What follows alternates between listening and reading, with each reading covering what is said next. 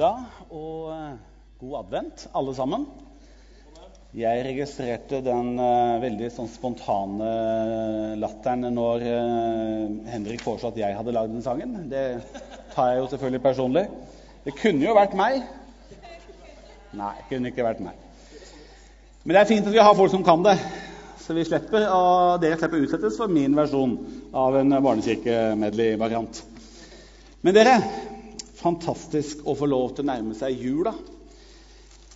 Adventspreken jeg har lyst til å dele noe med dere, og jeg håper dere henger med, for jeg gjør en litt annerledes start.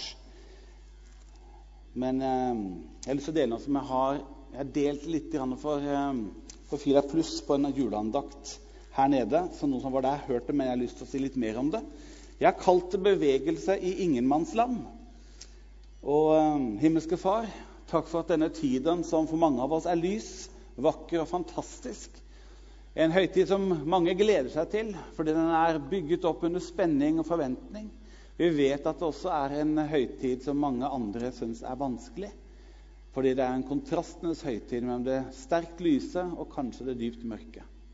Jeg ber om at vi skal få lov til å være fokusert på det julen handlet om, nemlig at du kom til jorden for å tenne et lys i vårt mørke og bringe en framtid der det ikke var noen framtid. Du har kommet for å forandre både vår fortid, nåtid og vår framtid. Og det gjelder for oss alle. Jeg ber for oss alle denne formiddagen, og kanskje spesielt for de som tenker at denne tiden er en litt utfordrende tid. Kanskje i savn av noen som man har mistet. Kanskje i ensomhet, som er ekstra krevende denne tiden. Eller fordi man lever i et hjem eller en situasjon hvor det er utfordrende.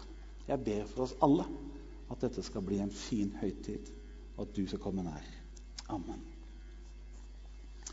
Ingenmannsland. Dette er et begrep som kan spores helt tilbake igjen til det 14. århundre. Betydningen den kommer fra krigsterminologien. Og Det peker på det området mellom to fiendtlige hærer hærstyrker. Og det var det området som ingen eide eller kunne besitte. Det er dette området som må krysses for å erobre og for å seire.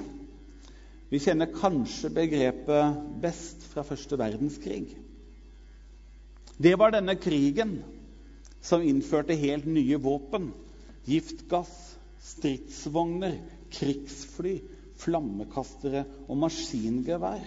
Disse våpnene kom til å kreve millioner av menneskeliv. Første verdenskrig det var en stillingskrig. Man gravde seg ned i skyttergraver, og terrenget mellom de tyske og de allierte skyttergravene ble kalt for ingenmannsland. Dette terrenget kunne variere mellom å være kjempesmalt helt ned til 30 meter. Du kunne nesten se øynene på den som lå på andre siden av ingenmannsland. Men det kunne også være ganske bredt. Det var et livsfarlig område å ferdes i. På begge sider lå soldater med maskingeværene. Fingeren lå på avtrekkeren.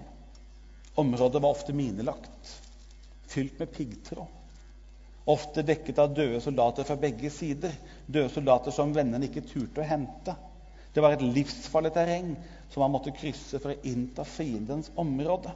Målet for begge sider var jo å krysse ingenmannsland og innta det som lå på den andre siden.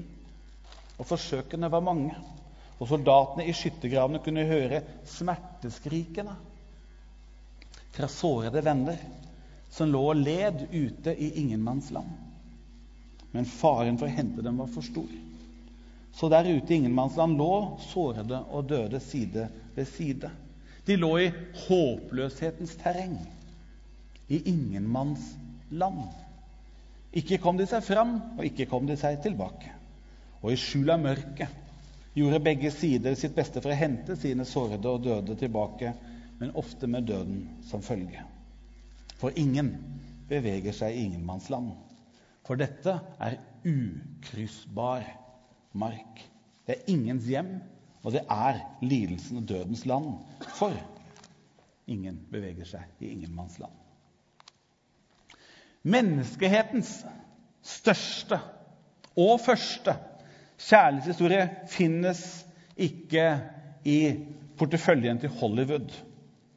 Det er heller ikke en gammel legende, og det er ikke en eldgammel roman. Den eh, første og største kjærlighetshistorien i menneskets historie er historien om denne guden som alltid hadde funnes til. En allmektig Gud. En Gud uten noen begrensninger. Rundt seg hadde han fantastiske vesener som han hadde skapt. Skinnende, mektige skapninger. Han kalte dem for kjeruber og serafer og engler.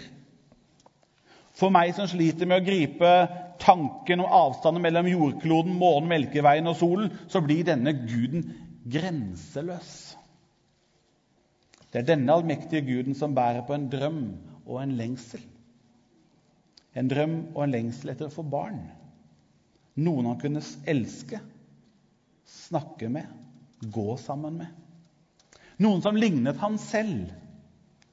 Ikke som de vakre himmelske vesen som hadde det rundt seg, selv om han elsket dem, men noen som var en del av han selv, og som bar hans egen ånd. Så begynner han å forme verden. Midt i det grenseløse universet, på et støvkorn i det uendelige. Der skaper han en vakker verden. Og i denne verdenen reiser det første mennesket seg opp og ser seg forundret omkring. Og den allmektige Gud ser på med skinnende øyne. Det står en bitte, bitte liten skapning, nesten usynlige selv på dette støvkornet som han hadde skapt, som han kalte for jordkloden. Men i denne knøttelille skapningen så bor Guds ånd. Og når solen han har skapt, er i ferd med å gå ned i horisonten, så gjør den evige guden seg liten. Og så rusler han sammen med den bitte lille skapningen som vi kjenner som menneske. Og den evige, allmektige, grenseløse guden snakker kjærlig til mennesket. Mellom dem finnes det ingenting som holder dem fra hverandre. Ingen sår, ingen hemmeligheter, ingen skam, ingen frykt, ingen skygger, ingen vonde ting. Dette er den aller første kjærlighetshistorien. Og den har egentlig ingen avslutning, for den evige guden la evigheten ned i mennesket. Og i en verden uten noen truende skygger eller trusler, ingen annen trussel enn at mennesket skulle finne på å velge bort kjærlighetens gud, så var jo alt sammen så fint. Men så velger jo mennesket nettopp det. Og mellom den allmektige Gud og mennesket oppstår et ingenmannsland. En avstand. Et terreng som er umulig å krysse. Umulig fordi da måtte det syndige mennesket først bli fullkomment. Og vi vet jo at man kan ikke gjøre ugjort det man har gjort. Umulig, for da måtte den fullkomne Gud bli syndig og da ikke lenger være fullkommen et håpløshetens ingenmannsland lå mellom Gud og menneske. Og kjærlighetens Gud måtte fortvilet se på at de han hadde skapt og han elsket så høyt, de begynte å høste konsekvensen av synd når dødskreftene i verden begynte å innhente dem. Dette var fortvilet for Gud. I første Mosebok, kapittel 3, 23 og vers 24 så står disse dypt tragiske ordene 'Herren sendte mennesket ut av Edens hage'. Og han drev mennesket ut. Øst for Edens hage så satte han kjerubene og det flammende sverdet som svinger uten stans. Det skulle vokte veien til livets tre. Et menneske uttrykte dette mange tusen år senere han sa for mange Nei, for alle. Alle har syndet. Og vi mangler jo Guds herlighet. Så konkluderer han dypt tragisk. Og det bærer liksom klangen av fortapelse. Syndens lønn er døden. Tilbake til første verdenskrig. Paul McCartney skrev en låt han kalte 'Pipes of Peace'. Den bygger på en hendelse fra første verdenskrig. Nå nærmer det seg jul, og det er 1914. Franskmennene, tyskerne og britene kjemper utmattende og en meningsløs tillitskrig, og den tar flere måneder. Skotten Alfred Anderson forteller til avisen Observer rett før han dør den 21. november i 2005. Da var han 91 år gammel. Da sier han alt vi hadde hørt i to måneder, var lyden av maskingevær, flygende kuler og tyske stemmer i det fjerne. Men denne morgenen så hadde stillheten senket seg over slagmarken så langt øyet kunne se. Han snakket om 24. desember i 1914. Det var i denne uvanlige stillheten at en tysk soldat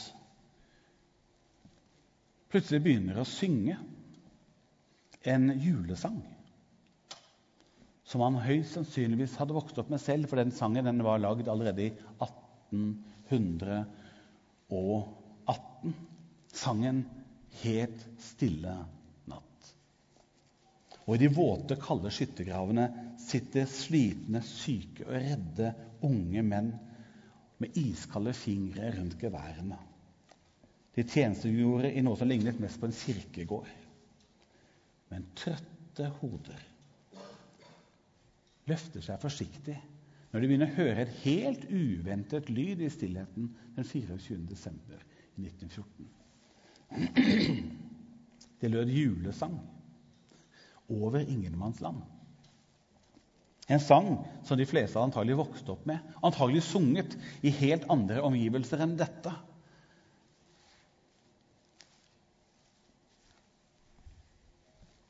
Og så er det plutselig en til som begynner å synge.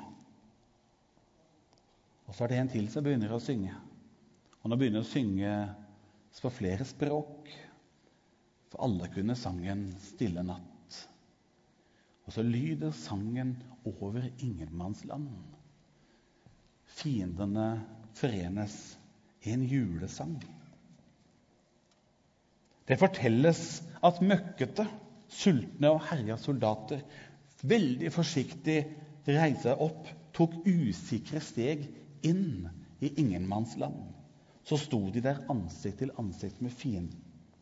Det fortelles at man ønsket hverandre god jul, delte sjokolade med hverandre og til og med sparket fotball sammen.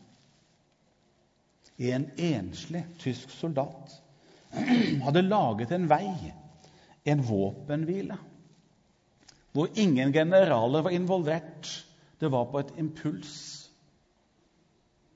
Og en våpenhvile finner sted tvers over ingenmannsland. Og en forsonende vei som holdt i noen timer, før kuler, giftgass og bomber igjen gjorde ingenmannsland til nettopp det det var et ingenmannsland. Mellom himmel og jord lå det også et ingenmannsland. Et terreng som ingen mennesker kunne krysse. Det var som mennesker i ferd med å tørste og sulte kunne se en overflod av mat. Men mellom dem var det en uoverstigelig kløft. Det var som dødssyke mennesker i en landsby ser medisiner som kan redde dem, men de har ikke sjans å få tak i det, for det er utenfor rekkevidde. For ingen klarer å krysse ingenmannsland i live. Det fortelles om en natt da det lød en sang over ingenmannsland. Ikke denne gangen sunget av en tysk sliten soldat, men av en hel himmelsk hærskare. De sang ikke 'Stille natt', men de sang 'Ære være Gud i det høyeste' og fred på jorden blant mennesker Gud har glede i. Så står det at englene fylte hele himmelen når de sang. Etter en stund forlot dem og vendte tilbake til himmelen. Og fortsatt lå det et dødens ingenmannsland mellom himmel og jord. Men de hadde annonsert en ny tid. Og ingen krysser dette ingenmannslandet mellom himmel og jord før en mann med et kors snubler seg over ingenmannsland 33 år etter at englene sang 'Fred på jorden'. Terrenget er livsfarlig. Den ensomme mannen ble pisket. Han ble slått, Han ble torturert og til slutt korsfestet midt ute i ingenmannsland. På den ene siden følger den allmektige Gud nøye med. På den andre siden sto noen mennesker og fulgte den lidende og døende mannen med øynene. Men de aller, aller fleste ante ingen verdens ting om det dramaet som nettopp nå utspenner seg ute i ingenmannsland. Og smerten til mannen endte ikke med det.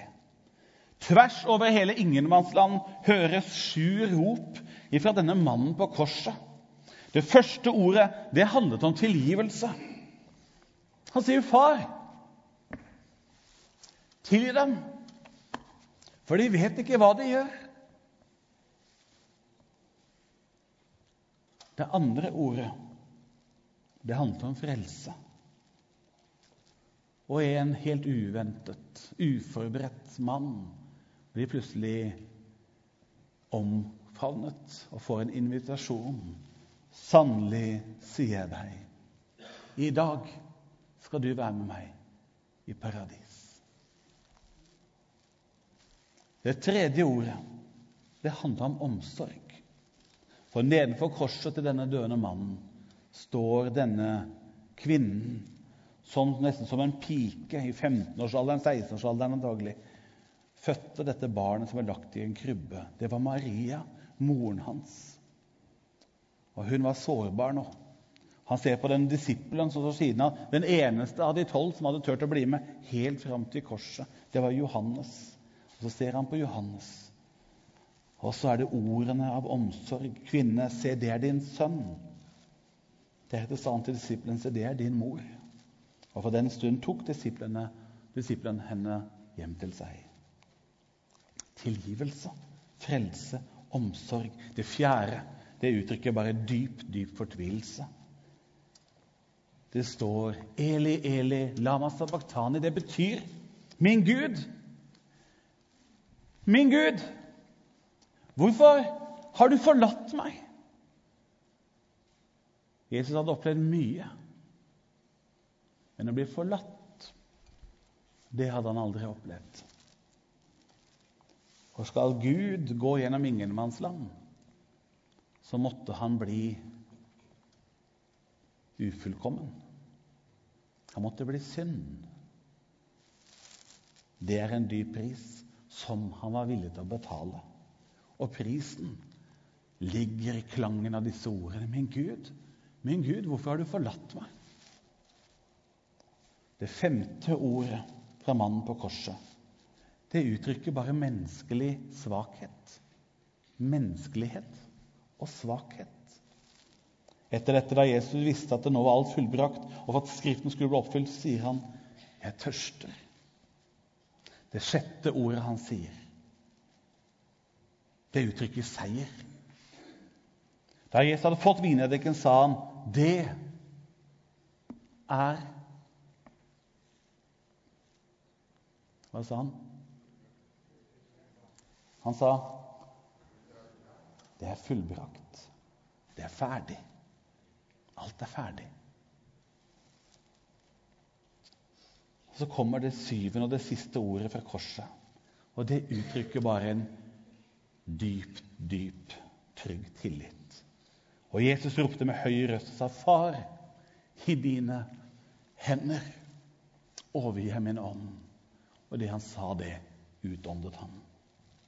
Denne mannen som døde på korset, og fire dager senere gikk ut av graven etter å ha overvunnet døden, han kalles for nettopp det. Han kalles for veien. Han blir denne veien gjennom ingenmannsland. Han sa, 'Jeg er veien. Jeg er sannheten. Jeg er livet.' Så nå er det egentlig ikke lenger noe ingenmannsland. Ingen behøver lenger å ligge skuddredd, livstett i en skyttergrav, redd for å bli truffet av nådeløshet, i frykt for mørk og evig fortapelse. For det ligger en rydda og en trygg vei gjennom ingenmannsland. Veien Jesus leder helt frem, trygt til Gud. Han som skapte mennesket i utgangspunktet, ut av en lengsel etter å ha noen å snakke med, dele hjertet sitt og kjærligheten sin med. Nå er veien helt ryddet, og de møter ikke en Gud som starter med å si 'dere rota det fælt til'. Han kommer ikke den første med en sånn stikk om at de hadde vært utakknemlige eller ulydige. Nei, han står med en åpen favn og sier 'velkommen hjem'.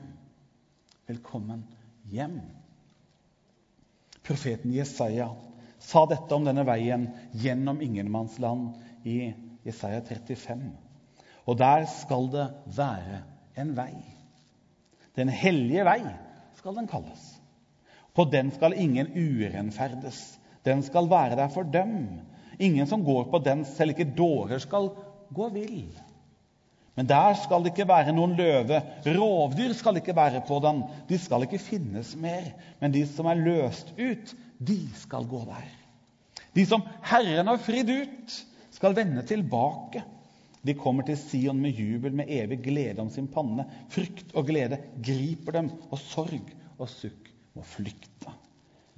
Fortvilet nok så ligger det fortsatt millioner av mennesker i mange former for skyttergraver i vår tid. Såra mennesker i ingenmannsland som lider. Kanskje fordi de ikke vet at det finnes en trygg vei gjennom ingenmannsland.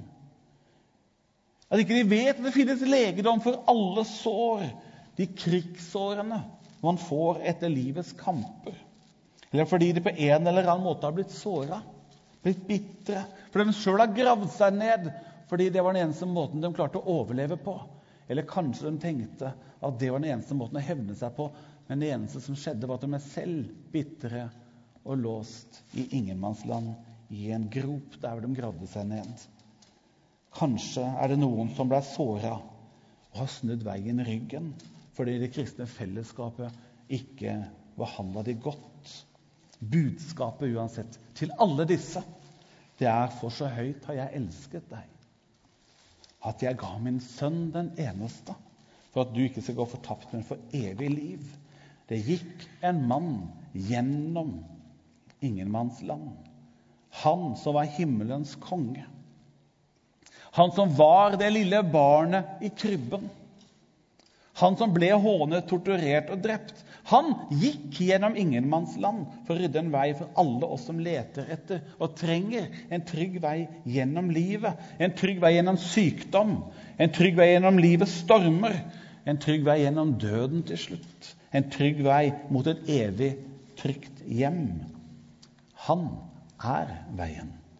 Han er den som går med oss og sier, 'Se, Daniel, jeg er med deg alle dager.' Vår verden er vakker. Den er lys. Men den er jammen meg samtidig nådeløs og brutal. Denne verden kan være så vakker, så gledefull og så kjærlighetsfull. Men min oppdagelse, også i dette vakre landet som vi får bo, at lever vi lenge nok, så kommer også de tøffe og de mørke dagene. Øyeblikkene da vi møter vår egen maktesløshet, der vi trenger desperat håp, lys, tro og en fred og blir funnet når vi sitter der i vår skyttergrav eller i vår livssituasjon og ikke finner noen vei videre. Vi trenger å bli funnet. Vi trenger å bli sett. Det er dette julens budskap dypest sett handler om. Gud som oppsøker mennesket. Oppsøker at det er liv og valgene våre har ført oss. Og er det ikke sånn at alle mennesker før eller senere kommer til et sted hvor våre talenter, vår rikdom og styrke og vårt gode nettverk ikke kan lede oss videre? Men Gud kan. Og vi som kjenner veien, kan som kjentmenn og medvandrere lede andre til Han.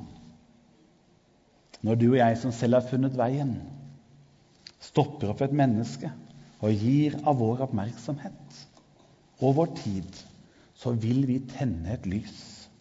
Og vi vil tenne håp i ingenmannsland. Bare det året som ligger bak, i 2019, så sitter jeg og tenker når jeg går tilbake i tankene mine over det året som ligger bak, så er jeg forundret over hvor mange mennesker som på en eller annen måte har havnet i en skyttergrav, et livssituasjon hvor ting blei vanskelig. Jeg vet at vi har et rikt land, et godt land, et vakkert land. Men livet kan være tøft. Sykdom kan komme og ramme. Plutselig er det relasjoner som rykkes.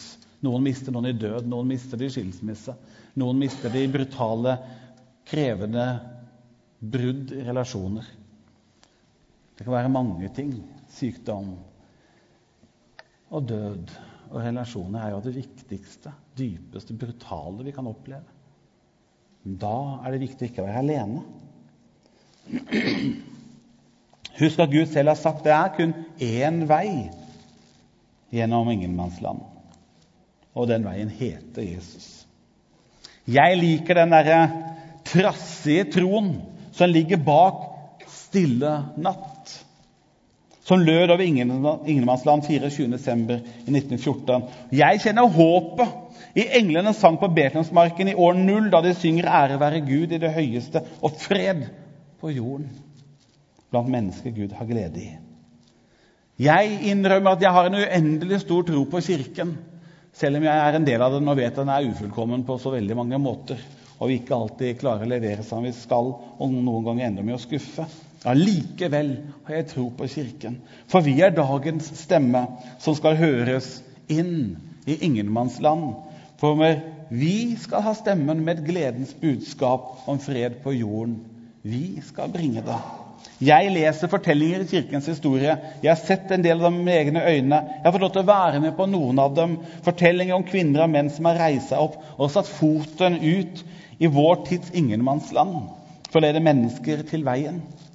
Du og jeg som har funnet veien, har fått privilegiet og også ansvaret med å vise alle vi møter, veien. Det handler egentlig om nestekjærlighet med en evig verdi. Vi følger korsbærerens i hans fotspor. Han som også har kjent den gode hyrden. Så kan du og jeg noen ganger være soldatene som går ut og slåss for de andre. Ikke imot, for vår kamp står ikke mot kjøtt og blod. Men vi er kommet for å slåss for dem, vinne dem, hjelpe dem, elske dem. Kanskje vi noen ganger famlende og usikre skal begynne å synge vårt stille natt tone for tone, ord for ord. Og la stemmen vår lyde inn i et ingenmannsland. Og Noen ganger er det stemmen vår en tekstmelding, noen ganger er det et besøk, noen ganger er det en oppmuntring. Noen ganger er det en medvandring hvor vi følger mennesker i en krevende tid, i en krevende etappe. Fra alle kanter skal Kirken strømme inn i ingenmannsland. For vi er mange som har funnet veien, og vi vet at det er trygt midt i dette vanskelige. Fortsatt kan ingenmannsland bety lidelse og død for noen, så sant de ikke finner veien. Over krybben og barnet ligger skyggen av korset. Vismenn søkte barnet uten å vite at barnet egentlig var Gud som søkte dem. Vi tror vi leter og søker Gud, men det er egentlig Han som søker oss. Vi blir egentlig funnet av en som leter. Det er barnet i krybben. Det er Gud som har tatt steget ut og tatt foten på ingenmannsland for å oppsøke og finne alle de fortapte, alle de sårede, alle de som trenger trygghet. Korset var den nødvendige nøkkelen for å åpne veien hjem til Gud. Og la meg til slutt få sitere sangen. Vi skal synge den etterpå. Men la meg få lov til å sitere den sangen som den tyske soldaten sang den 24. desember i 1914. Stille natt, hellige natt. Alt har søvn og mørket tatt. Trofast våker de hellige to. Varsomt vugger de barnet til ro. Jorden tar himmelen i favn. Jorden tar himmelen i favn. Stille natt, hellige natt. Barnet er vår største skatt. Hyrder vekkes av gåtefull klang. Natten fylles av englenes sang. Kristus, vår frelser, er født. Kristus, vår frelser, er født. Stille natt, hellige natt. Aldri ble vår jord forlatt. Himmelen smiler fra barnets munn, kommer nær i en frelsende stund. Vier Guds fremtid til vår, vier Guds fremtid til vår. Og husk at det ikke lenger egentlig er et ingenmannsland mellom himmel og jord. For veien ligger åpen foran deg, og han vil gå den sammen med deg. For aldri ble vår jord forlatt. Aldri er du forlatt. Og jul handler om Gud som kom for å finne deg. God jul til dere alle, kjære venner. Himmelske Far. Jeg vet ikke hvor alle vi som er i dette rommet, befinner oss akkurat nå. Vi er individer, forskjellige. Men jeg vet én ting, og det er at du har gått fra ditt høye og ditt hellige sted. Det som du sier er vårt hjemland. Og så har du kommet ut, og så har du gått, og du har lett, og du har helt utrettelig søkt til du har funnet oss alle for å vise oss veien trygt gjennom ingenmannsland, fra der jeg er, til der du er. Helt fram til der hvor ingen død og ingen mørke finnes. Hjelp oss alle til å være dine medvandrere i å bringe mennesker inn på veien. Trygt hjem til deg. Amen. Vi skal hvert øyeblikk synge sammen sangen 'Stille natt'. Men samtidig så åpner vi rommet vårt, kirkerommet vårt. Gud har sagt at der hvor to eller tre er samlet, så er han midt iblant oss. Det betyr at han er her. Hvis du er her og du bærer på en smerte for ditt eget liv, en nød, en lengsel for ditt eget liv, eller for noen andre som du er glad i, som du setter pris på, som du vet ikke har det lett, tenn gjerne et lys så de skal få lov til å minne Gud om det som han allerede vet, og som du bærer i ditt hjerte. La det være en troshandling. Trenger du forbund? Er du syk? Eller er livet vanskelig? Trenger du en samtale, så er det mennesker som vil stå på min venstre side og være her for deg, be for deg og snakke med deg hvis du ønsker det. Har du et bønneemne, så skriv det gjerne også på en lapp. Det har vi en tradisjon på på begge de bordene her. Der kan du skrive det ned, så vil vi være med og be for og med deg i tiden som kommer. Skriv også gjerne et takkeemne. Og så kan du få lov på din måte å gi en respons hvis du opplevde at Gud talte noe til deg denne formiddagen. For det håper jeg han gjorde. For bak Guds hilsen i julen er det et stort 'Jeg elsker deg'. Da synger vi.